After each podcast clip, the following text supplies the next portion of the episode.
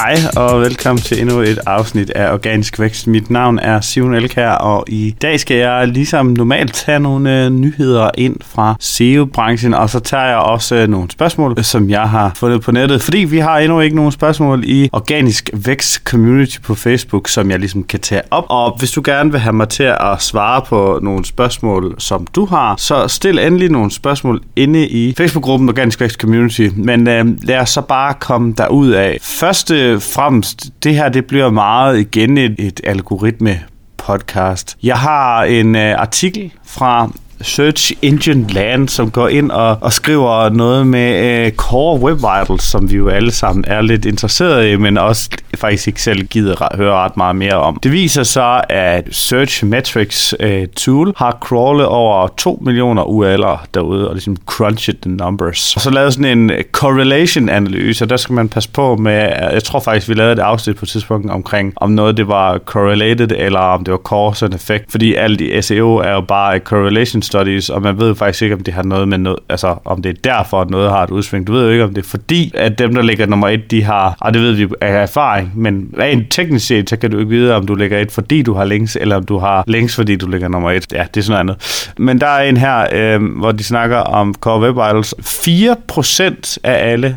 dem, der ligger i toppen, har passed på Web Vitals. Det var ikke meget. Og det leder mig hen til den her artikel fra Ezoic. Øh, har udgivet øh, en artikel om, hvordan deres hjemmesider i deres, øh, kan man sige, network har klaret sig under de her updates. Ezoic er en platform, der laver sådan noget ad bidding, hvor at hvis du har for eksempel en blog eller en anden form for content side, så kan du få ads på din hjemmeside via Ezoic, og på den måde tjene penge, ligesom AdSense, bare lidt bedre i form af, at du tjener væsentligt mere. Det er, den er lidt sælgende over for deres tool, der hedder Leap, øh, de gerne vil have, at alle skal bruge. Ud fra den her Esoic-artikel, så det som de, som de gerne vil hen til, det er, at deres, alle deres publishers er steget med 26% øh, impressions og 27% clicks, hvor at de tidligere har faldet ret meget. Det de prøver, øh, kan man så sige, selv den kører den ind på, det er, at, øh, det er på grund af Core Web Vitals, at det her det er sket. Og så over på en anden kilde, som jeg egentlig ikke har brugt så meget før, det er noget, der hedder seoblog.com.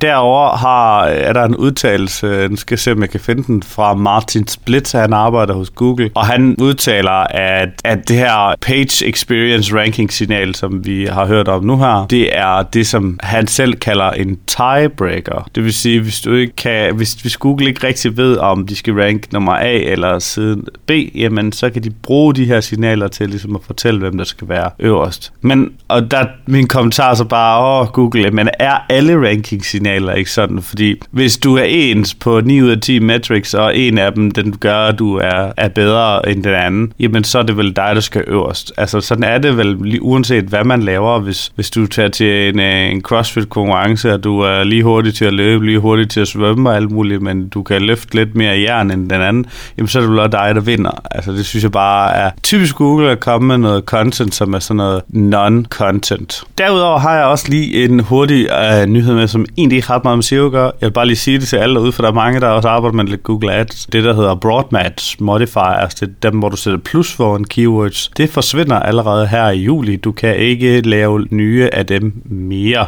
Det var egentlig bare det. Nu vil jeg videre til et spørgsmål. Der er en, og det synes jeg er lidt sjovt. Uh, han stiller ind i et spørgsmål her, og det er på engelsk. Uh, han spørger, om der overhovedet er nogen SEO-benefit, altså man overhovedet får noget SEO-mæssigt ud af at lave backlinks, som ikke sender noget referral traffic. Og det starter ligesom sådan en debat, jeg synes, der er lidt sjov. Der er en, der så skriver nedenunder, referral traffic is not a factor in SEO value. Altså, det er ikke en SEO-faktor med referral traffic. Så er der nede en nedenunder, what? Og kommer det næste. En af de ting, som Google virkelig baserer værdien på et backlink, er referral traffic genererer. En, der siger, jamen det er meget normalt i nogle nischer at få nogle links, der ikke er så meget trafik på, og der er en, der siger, hvis man ikke får trafik, hvorfor, altså hvis du ikke får trafik igennem linket, hvorfor skulle Seven så matter? Hvad hedder det? Hvorfor skulle det så noget være noget værd? Og egentlig, det, det jeg egentlig vil frem til med det her for i dag med link building, der ikke har trafik. Der kunne jeg godt tænke mig at vide, hvad er status derude hos dig i 2021 nu her sommeren? By, når du bygger links, går du efter links, der har trafik? Går du efter links, der ikke har trafik? Går du efter alle slags links? Går du efter kun nogle links? Går du efter relevante links? Øh, hvad så end det er? Fordi hvis,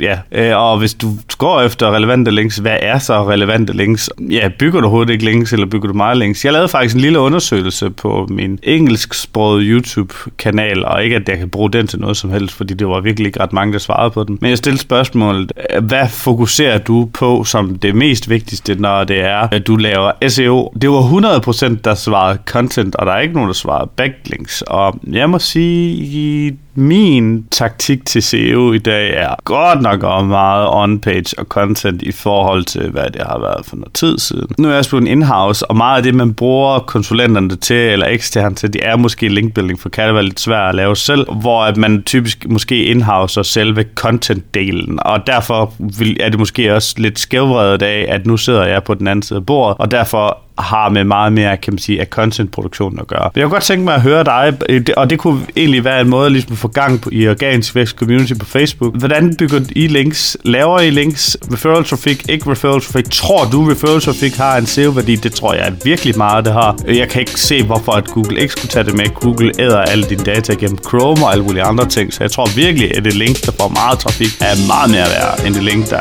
får nul i trafik. Og jeg har altså selvfølgelig. Og hvis jeg skulle, hvis jeg skulle have et godt link, link til noget, så vil jeg rigtig gerne have et link fra en page. Ikke en hel hjemmeside, men fra en page, der ranker godt på det søgeord, eller en lignende det søgeord. Altså lad os sige, at jeg godt vil ligesom lægge nummer et på podcast, men så kunne det godt være fedt at få et link fra den, som allerede lå nummer et på bedste podcast på, eller et eller andet, eller bedste podcast feeder, eller hvad hedder sådan noget. Øh, jeg skriv det inde i Facebook uh, community på, uh, hvad hedder det, Organisk Community, eller i kommentarfeltet her på YouTube. Tak fordi du følger thank you